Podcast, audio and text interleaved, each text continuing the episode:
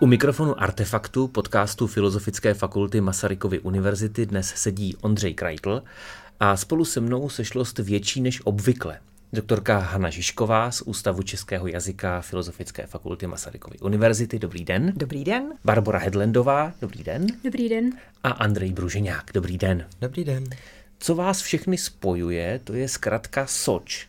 Pro někoho možná tajemná a nesrozumitelná tři písmena, ale pro mnohé začátek úspěšného studia a vědecké kariéry. A tak se ptám vás, paní doktorko, co to je ta SOČ neboli SOČka? středoškolská odborná činnost, ale myslím si, že Andrej s Bárou vám k tomu řeknou víc, protože já jsem eh, jenom školitel, ale oni si to museli zažít na vlastní kůži. Tak sočka je vlastně, já budu používat eh, ten zkrácený název, tak sočka, mohla bych to říct i, že to je taková v uvozovkách bakalářka už na střední škole nebo na gymnáziu.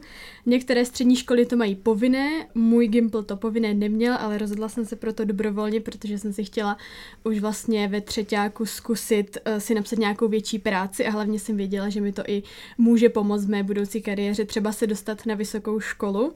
A je to ve zkratce nějaká práce o větším rozsahu než pouhá seminárka. Ten limit si upřímně nepamatuju, ale je to zhruba v rozsahu bakalářské práce, takže poměrně velká práce na střední školu a vlastně pracuje se na ní celý rok, což je i vlastně zhodné s tou bakalářkou. No a je to nejenom psání té práce, ale je to potom i soutěž. Že mm. Ta soč je soutěž těch prací, to znamená, studenti to píší. My jsme měli, my jsme měli povinnou, povinné psaní nějaké seminární práce, my jsme tomu říkali maturitní práce, Dřív byla skutečně v maturitním ročníku, teď jsme ji přesunuli už na třeťák, ale já jsem si řekl, že to zkusím posunout ten level výš, řekněme. Mm-hmm. A taky jsem chtěl, aby mi to pomohlo s kariérou, zorientovat se, nová zkušenost. Mm. A vy jste si, Andrej, tu sočku našel sám, nebo vám to doporučila vaše učitelka, učitel? Já jsem měl sočky dvě a t- ta první byla z matematiky a ta druhá z češtiny, nejen z češtiny. Tu první mi doporučil školitel, uh, učitel byl, učil u nás na Gimplu, byl to vlastně externista, takže zároveň to byl ještě pořád student fakulty informatiky. A ten v době, kdy jsem se tak jako rozmýšlel, že bych tu sočku chtěl psát, že už se na mě hrne ta seminárka, co budu muset psát ve škole, tak navrhl, že by někomu tu práci mohl vést. A ještě zmínil, že už je tu jako nějaký deadline na zapisování do nějaké podpory a že to musíme vědět příští týden, tak to mě už donutilo se rozmyslet a řekl jsem si, že do toho s ním půjdu, tak jsme se potom domluvili na tématu. Nakonec jsem psal i o tom, co on původně úplně navrhoval, ačkoliv jsme probrali i víc možností a tak jsem se k tomu dostal. Já bych ještě doplnila, jak Andrej říkal, že to je soutěž, že Oba dva, jak Bára, tak Andrej, se dostali do republikového kola a byli velmi úspěšní. Bára šesté místo, Andrej druhé místo, takže eh, to je taková jako pro mě motivace vidět, že eh, když člověk se studentům věnuje a dá jim jako čas a taky požduchne, takže jsou velmi šikovní a má to pro ně jako výsledek. Když už jsme u té motivace, tak eh, jak dlouho se věnujete sočkám jako školitelka, vedoucí. U většiny těch účastníků je to jednorázová záležitost, u Andreje teda eh, dvojrázová záležitost, zvládl dvě sočky. A co vás k tomu přivedlo, že vy jste se rozhodla k tomu akademickému úvazku, což je nemalý objem práce, bádání, eh, učení, vedení bakalářských a magisterských prací a ještě tedy nějaký vlastní výzkum plus volný čas, tak tohle je poměrně velká věc navíc. Co motivovalo vás? Ti studenti, protože oni si mě sami našli. A věnuji se tomu už pět let. Eh, měla jsem jich eh, několik a je to prostě, je to zajímavé a já v tom vidím smysl, protože oni mají nějaké téma, Potřebují někoho, kdo jim odborně pomůže, někdy o tom vědí víc, někdy o tom vědí míň, někdy je to i moje téma, ale někdy eh, třeba i v případě Andreje to bylo tak, že měl svoje, já jsem eh, ze začátku váhala, ale viděla jsem, že je tak nadšený a že to tak strašně chce dělat, že jsem si říkala, že to musím vzít, protože tam úplně blízkali oči, že to bych strašně chtěl dělat a já jsem vlastně moc ráda, že jsem mohla být u toho. Já vám za to děkuju a cítil jsem to nadšení i z vás, takže i proto jsem si vás vlastně našel s tou druhou sečkou. Takže tady funguje nějaká osobní chemie taky u těch soček, u toho vedení, což u vedení těch vysokoškolských prací většinou z kapacitních důvodů není úplně možné. Ne, že by se to nestávalo, ale není to asi takovým pravidlem.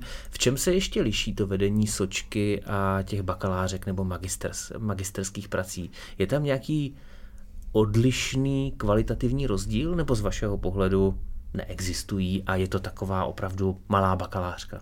Je to stejné. Je to malá bakalářka a musím říct, že oba dva, eh, jak Bára, tak Andrej si mě našli. Vlastně eh, díky Báře jsem tak nějak začala, protože Bára, ona to pak určitě řekne, ale měla téma, hledala někoho, kdo by jí pomohl. S Andrejem jsme se potkali na školení pro středoškoláky na JCMM, Vlastně bylo to o počítačové workshop, o počítačové lingvistice a já ještě různě dělám přednášky na středních školách, že jezdím tady po Brně, nebo když si nějaká škola vyžádá online o počítačové lingvistice a o češtině nějaké možnosti studia. A tam vždycky taky jako inzerují tu možnost, že vedu sočky a že kdo chce, takže se může na mě obrátit. Takže vlastně studenti si hledají mě a ta chemie tam určitě nějaká je.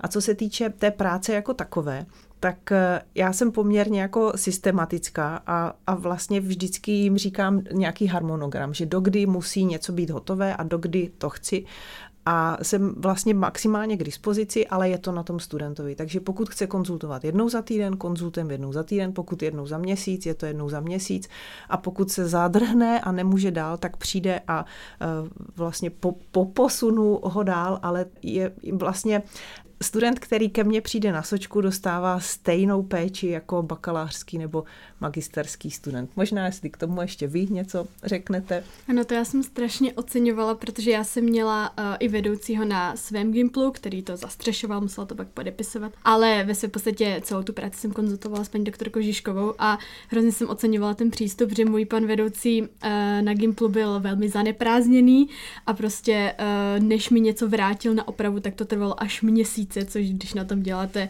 v reálu nejvíc třeba toho půl roku, tak uh, jste pak hrozně ve skluzu kvůli těm vratkám.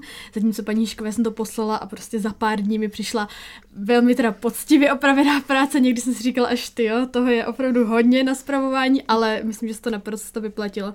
Takže ten přístup byl opravdu skvělý.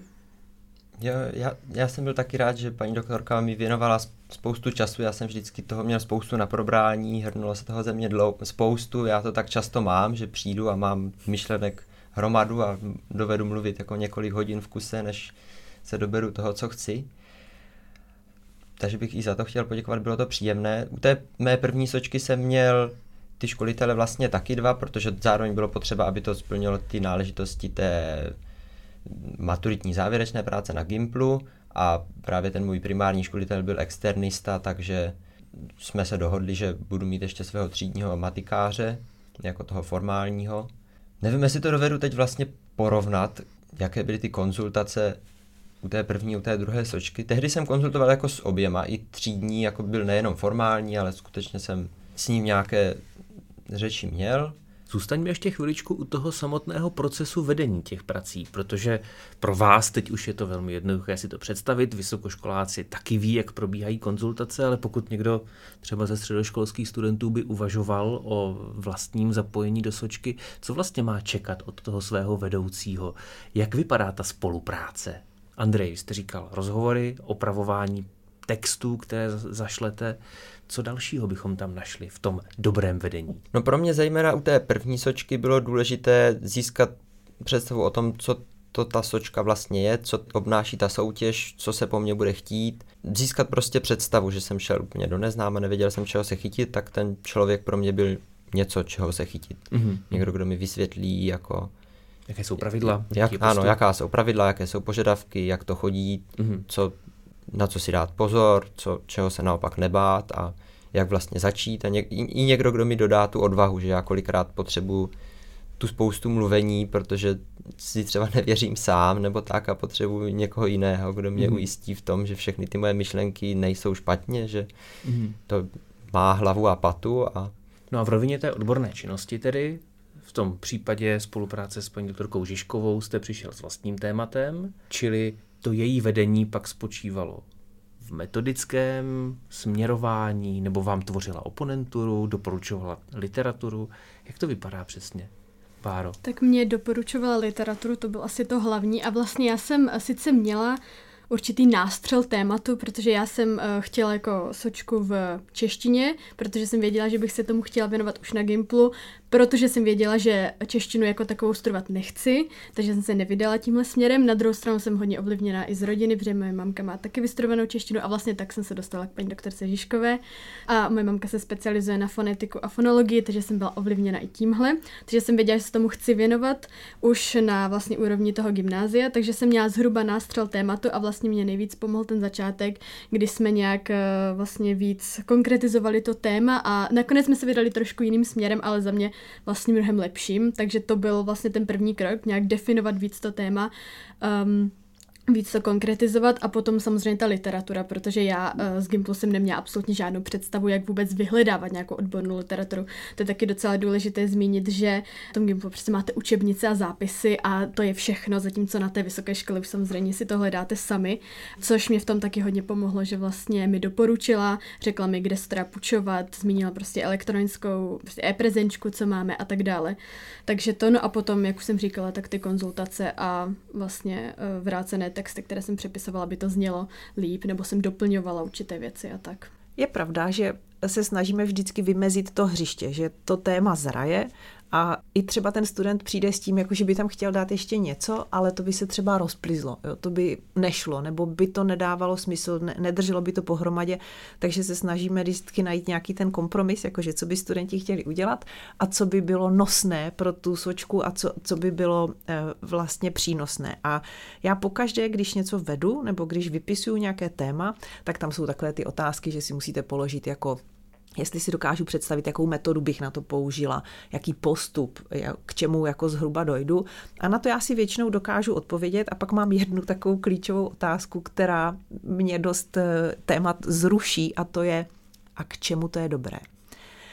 A jakmile si nedokážu odpovědět na to, k čemu to je dobré, tak to je špatně. A vlastně i u těch soček to je, že směřujeme k tomu, aby, tam, aby to mělo nějaký důvod vlastně na co to je dobré, čemu to pomůže. Takže k tomu vedu studenty, aby si uvědomili, že ano, musím mít nějakou metodu, musím vědět, co to, ale taky by bylo dobré, aby to na něco, jako k něčemu přispěl. Mm-hmm. Není to jako dost velká zátěž kladená na ty středoškoláky, protože přece jenom bakalářští studenti na to mají různé prosemináře, připravují se dva, dva a půl roku v různých kurzech na to, jak si stanovit téma, jakou metodu zvolit, jak si vymezit to pole výzkumu a tak dále a tak dále. A tady vlastně ti začínající vědci a vědkyně, středoškoláci, eh, jsou najednou vrženi do světa, se kterým se sice budou setkávat a vypořádávat, ale vlastně o něm nic moc neví.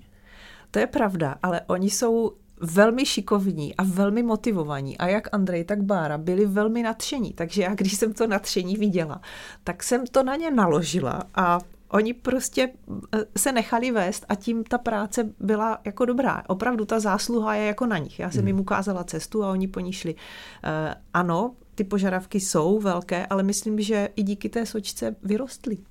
Čili to nadšení je mnohem důležitější než to, kolik vím o tématu a jak přesně jsem si ho sám pro sebe definoval, ta chuť bádat a rozvíjet se.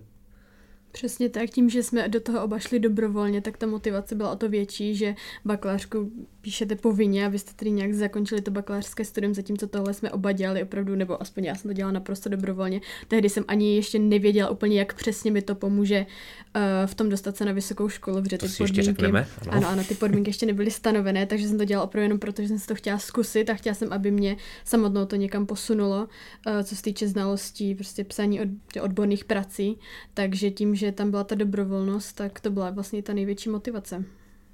Taky si myslím, že to nadšení jako je rozhodující. Mm-hmm. A já, já jsem do, dobrovolnost měl u obou soček, ale u té první mi přišla jako nevyloženě menší dobrovolnost, ale ta, u té první jsem na to měl víc času, protože byl covid a já jsem chtěl využít to, že vedle distanční výuky toho zvládnu asi dělat trochu víc. A měl jsem na to víc času i jaksi kalendářně, že s tou první sočkou jsem strávil rok tím psaním od toho začátku, od stanovení tématu po ten termín odevzdání, který je v té soutěži, kdežto do té druhé jsem se pouštěl víc protože jsem se chtěl věnovat tomu tématu a protože mě to bavilo a říkal jsem si, jako, že nehodí se to, když je to v maturitním ročníku. Ta, moje, ta první byla vlastně ve třetíku a v půlce druháku, ta druhá byla v maturitním ročníku. Nehodí se to, nemám na to tolik času, ale prostě dělat bych to chtěl, tak jsem si řekl, že si to dovolím, že se prostě do toho pustím a bylo to fajn, takže souhlasím s tím, že prostě to nadšení je důležité a určitě to bude rozdíl mezi bakalářkou a sočkou, že zkrátka nadšených bakalářů a bakalářek vidíme málo, jo? Taky jsou, taky jsou. Myslím, že to záleží na tom tématu. Mm. A já se to nadšení snažím vždycky podpořit. Takhle z toho, jak to poslouchám a jak to líčíte, to vypadá, že sočka je naprosto báječná, úžasná věc, kterou by si měl zkusit každý. Přesto ale si dovedu představit, že to není úplně pro každého vhodné. Komu byste sočku nedoporučili? Ať už z jakéhokoliv důvodu. Já jestli můžu, já bych ji doporučila úplně každému a to proto, že ti šikovní na tom zjistí, že jsou šikovní a že jim to jde a že je třeba něco baví a že jsou v něčem dobří, v něčem lepší, něco jim jde třeba hůř, něco jim jde líp. A ti, kteří se s tím budou trápit a nepůjde jim to, tak je to takový lakmusový papírek na to, aby zjistili, že třeba vůbec nemá smysl jako pouštět se do vysokoškolského studia, protože třeba proto nemají nějaké předpoklady. Takže já bych doporučila všem, aby si to vyzkoušeli.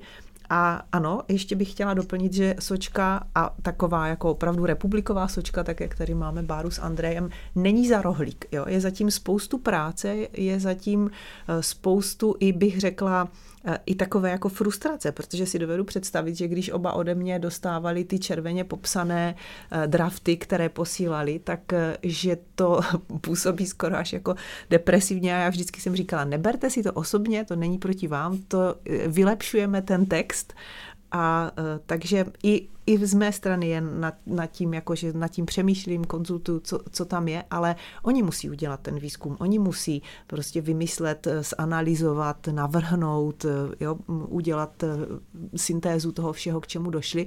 Takže jsou zatím, já bych řekla, jako měsíce a týdny práce.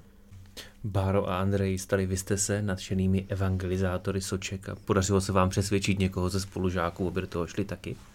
Nejsem si úplně jistá, jestli se mi podařilo přesvědčit někoho, i když mladším ročníkům jsem to určitě doporučovala, a to dělají, i když to nemáme povinné, ale za mě hodně důležité, aby ten člověk eh, šel do té sočky a měl srovnané to, že to dělá hlavně pro sebe, což já jsem samozřejmě měla na druhou stranu, já jsem se až do té republiky dostala a hodně mi to pomohlo potom v dalším studiu, takže já jsem tam um, ten, ten úspěch měla a cítila jsem ten pocit zadosti učení docela veliký. Na druhou stranu um, spousta z mých spolužáků měli skvělé práce, opravdu trávili, a to byly třeba uh, přírodovědné témata, tak trávili v těch laboratořích opravdu týdny i měsíce, ale prostě byli ve špatném oboru, protože tam je uh, víc oborů, do kterých tu práci můžete zařadit a uh, nedostali se třeba ani z okresního kola, protože tam je školní, okresní, krajské a potom republika.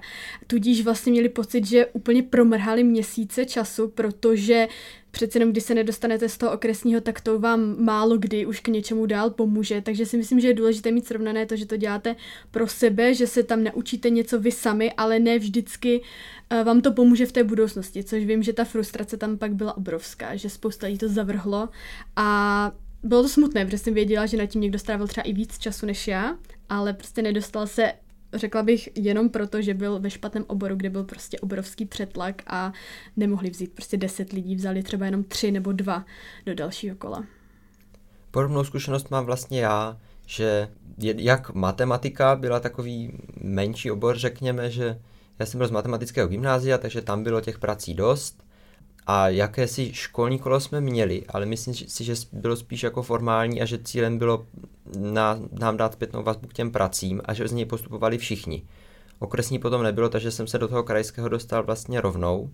A stejně to, to bylo i s tou mou druhou prací, která nakonec spadla do teorie kultury, umění a umělecké tvorby, protože pod tuto kategorii byla zařazena i jazykověda. Takže i tam jsem se dostal vlastně rovnou do toho krajského kola. A taky jsem slyšel vlastně o jiných lidech, hlavně z nějakých přírodovědných oborů, kde často se přihlásili k nějakému tématu, které bylo rovnou, jak jsem to pochopil, spojené i s nějakým konkrétním pracovištěm, s nějakou laboratoří, kde prostě pomáhali s nějakými měřeními, pokusy při, s přípravou vzorků, takže tam byla spousta vlastně manuální práce, že trávili v té laboratoři spoustu času, anebo třeba i něco sestrojovali. A mám známé, kteří i po takto náročné sočce skutečně jako se dostali do toho celostátního kola, dobře se v něm umístili a postoupili i do nějakých mezinárodních soutěží, ale slyšel jsem i o někom, kdo na tom strávil hodně času a potom se nedostal ani do toho krajského kola, takže hrozně záleží na oboru, záleží na tom, jak, jakou formu ta práce vlastně bude mít, jestli člověk bude jenom psát text, nebo bude muset chodit prostě jako na brigádu do nějaké, do nějaké laboratoře několikrát týdně a záleží i na tom štěstí, prostě jaký obor člověk má, kdo, kdo protože těch prací jsou jako často jednotky v tom kole, takže vlastně je to o tom štěstí, jaké práce se tam zrovna sejdou a mm. jak, to, jak to postoupí.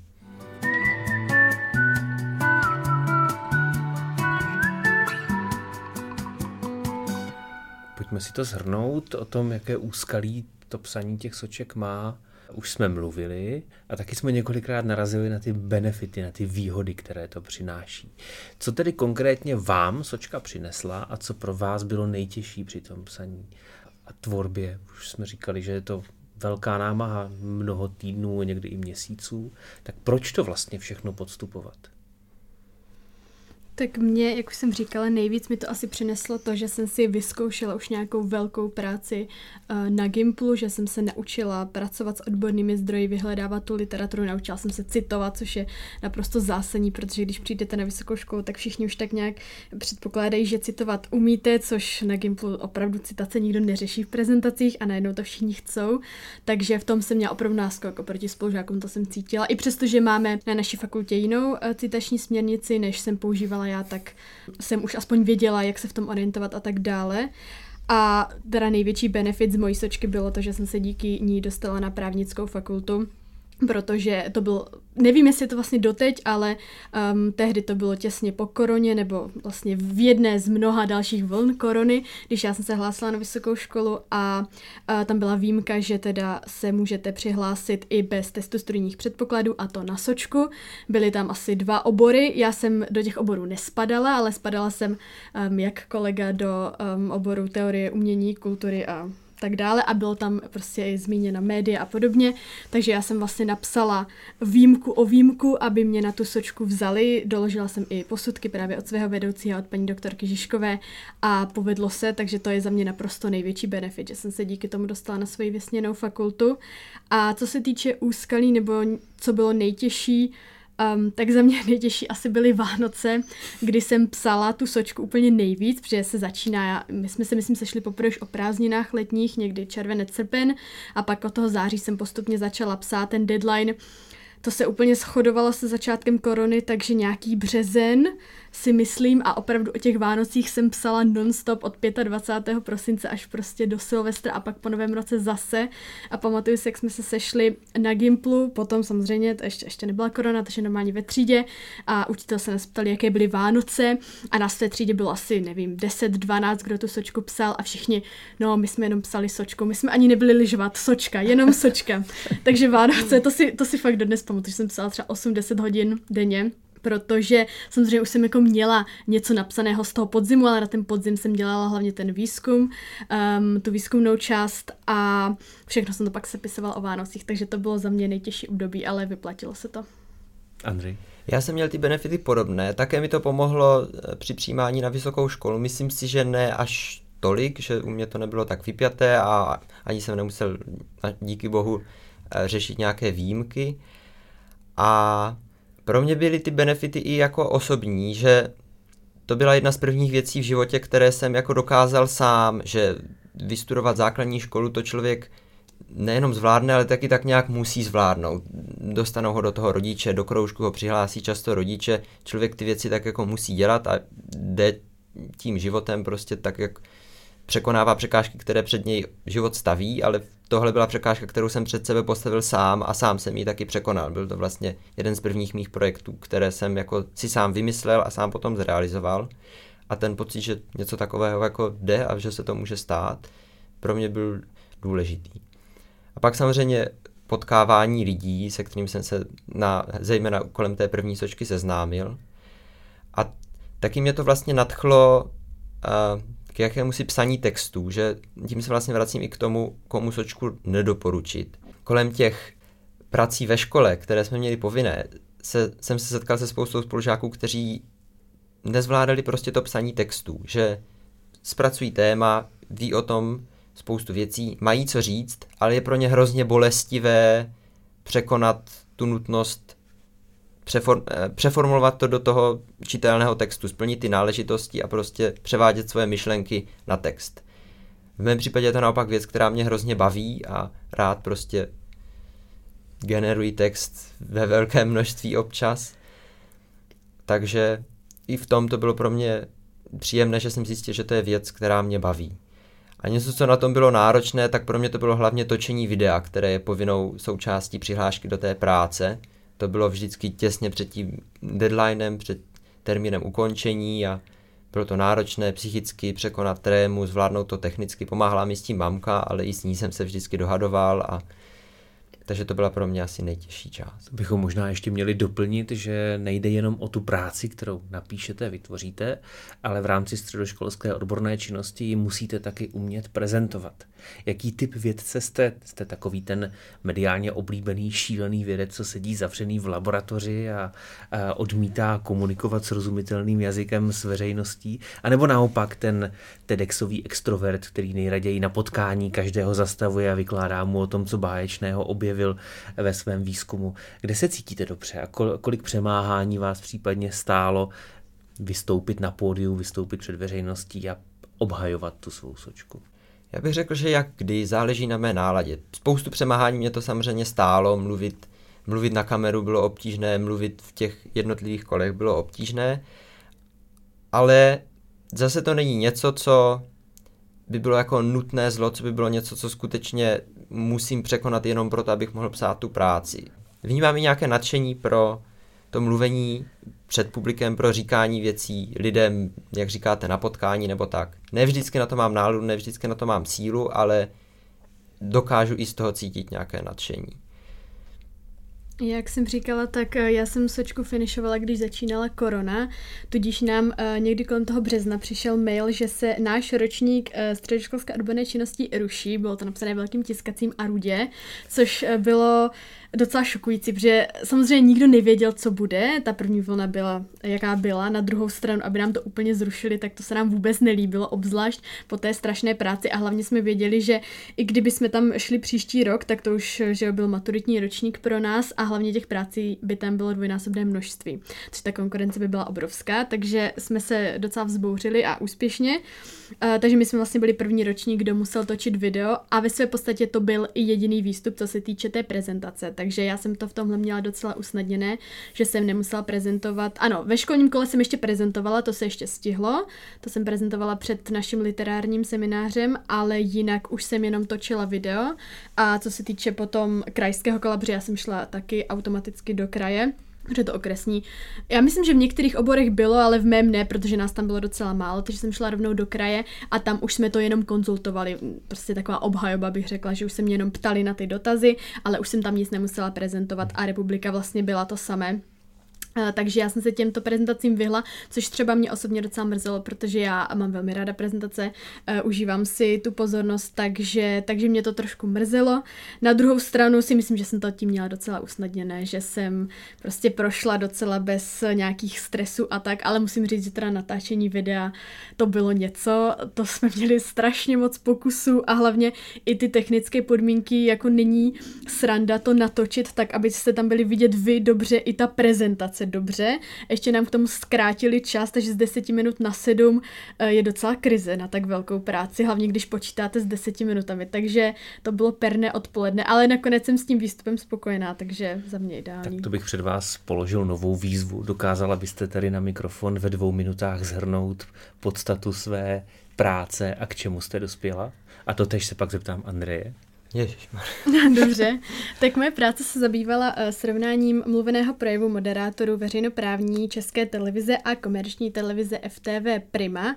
Srovnávala jsem celkem osm moderátorů, uh, vždy tedy um, dvě a dvě moderátorské dvojce, takže čtyři ženy, čtyři muže. A chtěla jsem vlastně zjistit, jestli ať už ta připravenost jejich, nebo um, Prostě obecně, jestli se liší ten projev na té veřejnoprávní televizi a na té komerční, jestli ta kvalita toho projevu bude třeba na té veřejnoprávní vyšší než na té komerční a tak dále. Vlastně jsem se snažila dokázat nebo zjistit určité předsudky, které máme vůči těmto uh, televizím, vůči těmto stanicím. Um, výsledky byly docela překvapivé, protože samozřejmě u některých uh, moderátorů byly výsledky takové, jaké jsem očekávala. Měla jsem tam ty nejznámější na české televizi, jako Jakuba Železného, Martina Hřezníčka a z žen jsem měla Danielu Písařovicovou. No a na čtvrtou si nevzpomenu, ale ještě, jo, Světlanu Vitovskou samozřejmě, Světlanu Vitovskou. A právě u ní bylo asi za mě největší překvapení. Obecně u těch žen jsem byla nejvíc překvapená než u těch mužů, protože ten jejich projev byl, abych to řekla trošku vodově, tak to docela flákali, že um, já jsem se zabývala hlavně, ano, tou přesnou výslovností třeba eh, koncovky, jak vyslovují a tak dále a hrozně to tam splývalo a byla jsem velmi zklamaná. Naproti tomu FTV Prima mě um, zase překvapila, protože tam byly až přehnaně korektní, bych řekla, což samozřejmě taky není správně, ale bylo to velmi překvapivé, takže vlastně, kdybych to měla zhrnout, tak jsem došla k velmi překvapivým výsledkům a docela k neočekávaným, i když, jak jsem říkala, u některých se to potvrdilo. A, a tak. To byla Barbara Hedlandová a její analýza mluveného projevu moderátorů dvou televizních stanic. A teď Andrej Bružiňák. Tak moje první středoškolská odborná činnost se jmenovala metrické prostory a Banachova věta o pevném bodě. Byla to práce v matematice, to znamená, že jsem na začátku definoval pojmy, za, zaváděl tu teorii, potom dokazoval nějaké věty. To znamená, hlavním výstupem byl ten můj text a potom ještě počítačový program, který jsem k tomu dodal. Nevytvářel jsem jako nějakou novou matematickou teorii, hlavně protože se školitelem jsme se domluvili na tom, že vlastně zkoušet něco takového je spíš pro vysokoškolsky vzdělané lidi, že matematika je skutečně taková, jakože jde jenom o to vaše vzdělání. V laboratoři můžete změřit něco, co ještě nikdo nezměřil, protože na to neměl čas, ale v matematice ne. V matematice tomu musíte rozumět. To znamená, že jsem v podstatě dělal kompilační práci. A ten můj přínos byl jednak tou formulací toho textu, že jsem se snažil psát to jako učební text. To, je, to bylo opět to moje nadšení z toho psaní textu, že jsem se snažil dělat to jako učebnici. A potom se t- jsem také vymýšlel příklady k procvičení té teorie, že jsem si pokládal otázky, co pro mě bylo nejtěžší na pochopení toho tématu, protože jsem ho musel sám nastudovat, je, bylo je to něco, co se na střední škole neprobírá. Co je jako jiné než to, na co jsou středoškolští studenti zvyklí a na to jsem cílil potom ty příklady, vypracoval jsem ke každému i jako vzorové řešení a vysvětlení toho, jak to funguje, co by měl být ten výsledek. A potom další můj výstup byl ten počítačový program, což bylo opět něco, o čem jsem věděl, že to jde naprogramovat, že se to i jako implementuje a používá ta teorie, ale zkusil jsem si to naprogramovat zkrátka sám. Vymyslel jsem si způsob, jak to udělat, sedl jsem si a napsal jsem to a to bylo až ke konci té práce, takže to bylo vlastně krátce před tím termínem odevzdání, takže z začátku to vůbec nebylo v plánu, že to budu dělat. Nakonec jsem se do toho pustil, myslím, že tu, to tu práci jako posunulo o level výš, že díky tomu měla lepší hodnocení těch porodců. A, a ta druhá práce? Ta druhá práce se jmenovala Vnímání češtiny lidmi s nebinárními genderovými identitami. Tam jsem se zabýval jazykovým problémem českých mluvčích, kteří se necítí být ani čistě ženou, ani čistě mužem, ale musí si vybrat mezi mužským a ženským gramatickým rodem. Mě na tom nejvíc zauj- za- zajímala ta gramatická stránka věci a chtěl jsem se pouštět do nějaké do nějaké jazykové hry a zkoušet vymýšlet skutečně nějakou, nějakým jazykovým konstruktivismem nová řešení, jak takový jazykový problém řešit, jak si obohatit češtinu, když to řeknu až takhle troufale. Hlavní náplní té práce ale nakonec byl, bylo dotazníkové šetření a tady ta jazyková hra byla taková jako zajímavost na závěr.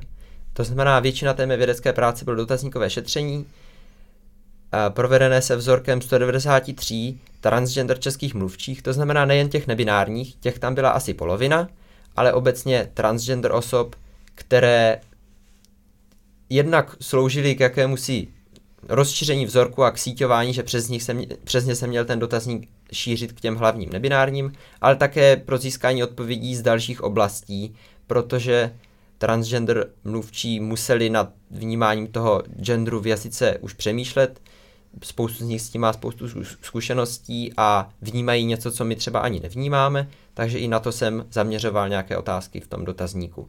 Jak všelijak gender vlastně v jazyce vyjadřujeme, co může být příjemné nebo nepříjemné, co je potom těm transgender osobám, které můžou být v některých případech, v některých ne, na použití jazyka citlivé důležité, co pro ně důležité naopak není a jaké jsou rozdíly. A potom těm té nebinární části vzorku jsem pokládal otázky ohledně řešení toho jazykového problému, jak k tomu vlastně oni přistupují a i jak se dívají na možnost vytvoření nějakých nových koncovek nebo nových tvarů a zájmen.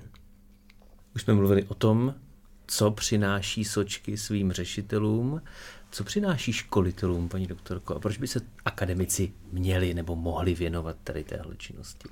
Já jsem z duše praktik a potřebuji dělat věci, které dávají smysl. A pokud mi dělají radost, tak to je takový bonus. A pokud dostanete šikovného studenta, který je nadšený a motivovaný, že chce něco dělat a přijde za vámi, že chce spolupracovat, tak to je ta radost. Takže já musím říct, že obě ty sočky, jak Andrejova, tak Bářina, mě přinesla velkou radost. A já to vlastně s něma prožívám. Já to píšu, to jim vždycky komentuju a to. A potom pro mě při, jako nastane takové období eh, těch vašich prezentací, kdy já už do toho nemůžu zasáhnout, ale já to sleduju. Já pořád jako kdy mají data, teď tím blahopřeju a potom zase držím pěstí do dalšího kola a sleduju, kdy to tak jako je. A pak čekám na výsledky a, a hledám, jestli teda už výsledky někdy jsou a oni pak natřeně píšou, takže jako tady zrovna v těch dvou případech to byla jako několikanásobná radost, tak takové jakoby po, tak po kouskách, po kapkách, krok za krokem. No a to, to je i velmi lidsky. A co se týče akademicky, tak uh, vlastně z každé té sočky já jsem si něco vzala taky, protože to bářino téma mi bylo o něco bližší, ale i když jsme potom se nořili do těch projevů, tak e, člověk, nebo já pořád mluvím e, jako před studenty, takže tam jsem si na tom taky jako uvědomovala, že aha, tady spolknuté nějaká, nějaká souhláska a podobně, takže na to bych si asi taky měla dát pozor, že když hodnotíte a kritizujete někoho jiného, tak potom si člověk řekne, uh, měl bych začít i u sebe, takže to bylo třeba to, co jsem eh, si vzala z té bářiné sočky. A co se týče té Andrejové, tak eh, eh, tam mě to vlastně bych nakonec řekla, že velmi pohltilo a velmi pro mě bylo zajímavé jako vnořit se do cítění té transgender a nebinární komunity. A řekla bych asi jako jeden takový příklad, který mě velmi utkvěl a eh, který tak jako šířím eh, dál, protože jsem si na tom uvědomila, že aha, jak, jak my jsme vlastně bezohlední ve chvílích, kdy můžeme být úplně jako korektní. A to je to, že já jako rodič několika dětí, tak neustále ze školy mi chodí takové ty papírky, jako souhlasím s tím, aby můj syn, lomeno moje dcera, nehodící se škrtněte, odešel z vyučování sám domů, jo, nebo něco podobného. A vlastně jedna ta odpověď v tom dotazníku byla, že, že proč tam musí být to nehodící se škrtněte, proč tam nemůže být z pohledu rodiče, souhlasím s tím, aby moje dítě, teď je tam ještě to jméno, jako odešlo samo domů. A toto mě velmi zasáhlo. To, na tom jsem si uvědomila, že vlastně my ten papírek děláme ještě mnohem složitější, jo? že tam, jako, že, že možná kdybychom se víc uh, prostě zamysleli jenom nad nějakou podstatou, jo? že pro toho rodiče to vždycky je dítě, jo? takže bychom si možná uh, všichni tak nějak jakoby usnadnili a zpříjemnili život. Takže to je jeden takový moment, který mě z té Andreovy sočky zůstane a pořád ho tak nějak zpracovávám. Moje poslední otázka. Mluvili jsme o tom, co bylo, co jste dokázali, co máte teď před sebou. Jaká bude vaše, možná nejen akademická budoucnost? Báro. Tak já už studuji na vysoké škole, momentálně jdu do třetího ročníku na právnické fakultě. Um, jak už jsem říkala, češtině jsem se chtěla věnovat na Gimplu, ale věděla jsem, že to studovat nechci. Od začátku Gimplu jsem věděla, že chci studovat práva, kam jsem se teda díky sočce dostala, takže má um, akademická i kariérní dráha je ve směru uh, teda práv ale zatím pouze studijně, do praxí se ještě úplně nehrnu, ale od příštího semestru už bych chtěla i do praxi, takže pak si myslím, že mě to pohltí ještě víc. Takže teoretické výzkumy a teorie práva, spíš ne, praxe. Spíš ne, no teorii práva jsem měla celý minulý rok a vlastně už před minulý, ano, už hned v prvním ročníku a úplně mě to nezaujalo. Samozřejmě i na vysoké škole se dá psát odborná práce během studia, protože eh, právo je tedy pětiletý obor, takže my nepíšeme bakalářku. I tím víc jsem ráda, že jsem si tu sočku zkusila, protože jít úplně bez ničeho, pouze s pár seminárkami na pár stran na diplomku si myslím, že musí být celá zátěž, takže jsem ráda, že aspoň mám nějaké zkušenosti z té sočky. Eh, na vysoké škole se může psát eh, svočka, s tím, že jsem nad tím uvažovala, ale ještě jsem se úplně nerozhodla. A Andrej? Já teď nastupuji do prváku na vysoké škole. Vybral jsem si združené studium obecné jazykovědy a informatiky, takže jsem do velké míry sloučil svoje dvě sočky a chci se věnovat jakési počítačové lingvistice nebo něčemu takovému, computer linguistics. Nemám všechno ještě vyjasněné, ale a to moje rozhodování ve čtvrtáku bylo takové zmatené, ale nakonec se na ten obor, který jsem si vybral, docela těším a uvidím, kam mě to zavede. Co se týče té druhé sočky, tak bych ještě chtěl říct, že zvažuji, že bych to přetvořil na nějaký odborný článek, který bych zveřejnil i někde jinde než v té sočce. Jeden z jazykovědců, se kterými jsem byl ve spojení, mi to navrhoval, jakože je tu ta možnost, takže uvidím, jak, jestli se pustím ještě do tohohle, ale zatím to není na spadnutí, chci ještě se napřed dostat do toho vysokoškolského života a nazbírat nějaké odborné znalosti také. Tak mě nezbývá, než vám popřát, ať to dobře dopadne, ať to dopadne podle vašich představ, ať, ať vám jde i nejenom ta studentská odborná, ale i ta skutečná, pardon, skutečná, i ta dospělá vědecká činnost dobře od ruky. Já jsem chtěla ještě doplnit, že Andrej nejenom, že se umístil v republikové sočce, ale on i potom přihlásil tu sočku do české hlavičky a dostal třetí českou hlavičku. Takhle Takže... to dopadlo z okolností s oběma mými sočkami. Obě skončili na třetím místě. Tak velká gratulace. Děkuju. Velké díky, že jste si udělali čas a přišli sem k nám do studia. Jmenovitě tedy děkuji Báře Hedlendové. Děkuji a děkuji také za pozvání. Andrej Bruženákovi. Děkuji a děkuji za to přání. A doktorce Hance Žižkové za organizaci, vedení těch prací a to, že přišla. Já taky děkuji a těším se na příště a těším se na další sočky. Od mikrofonu se loučí a na příští vydání Artefaktu se těší Ondřej Krajtl.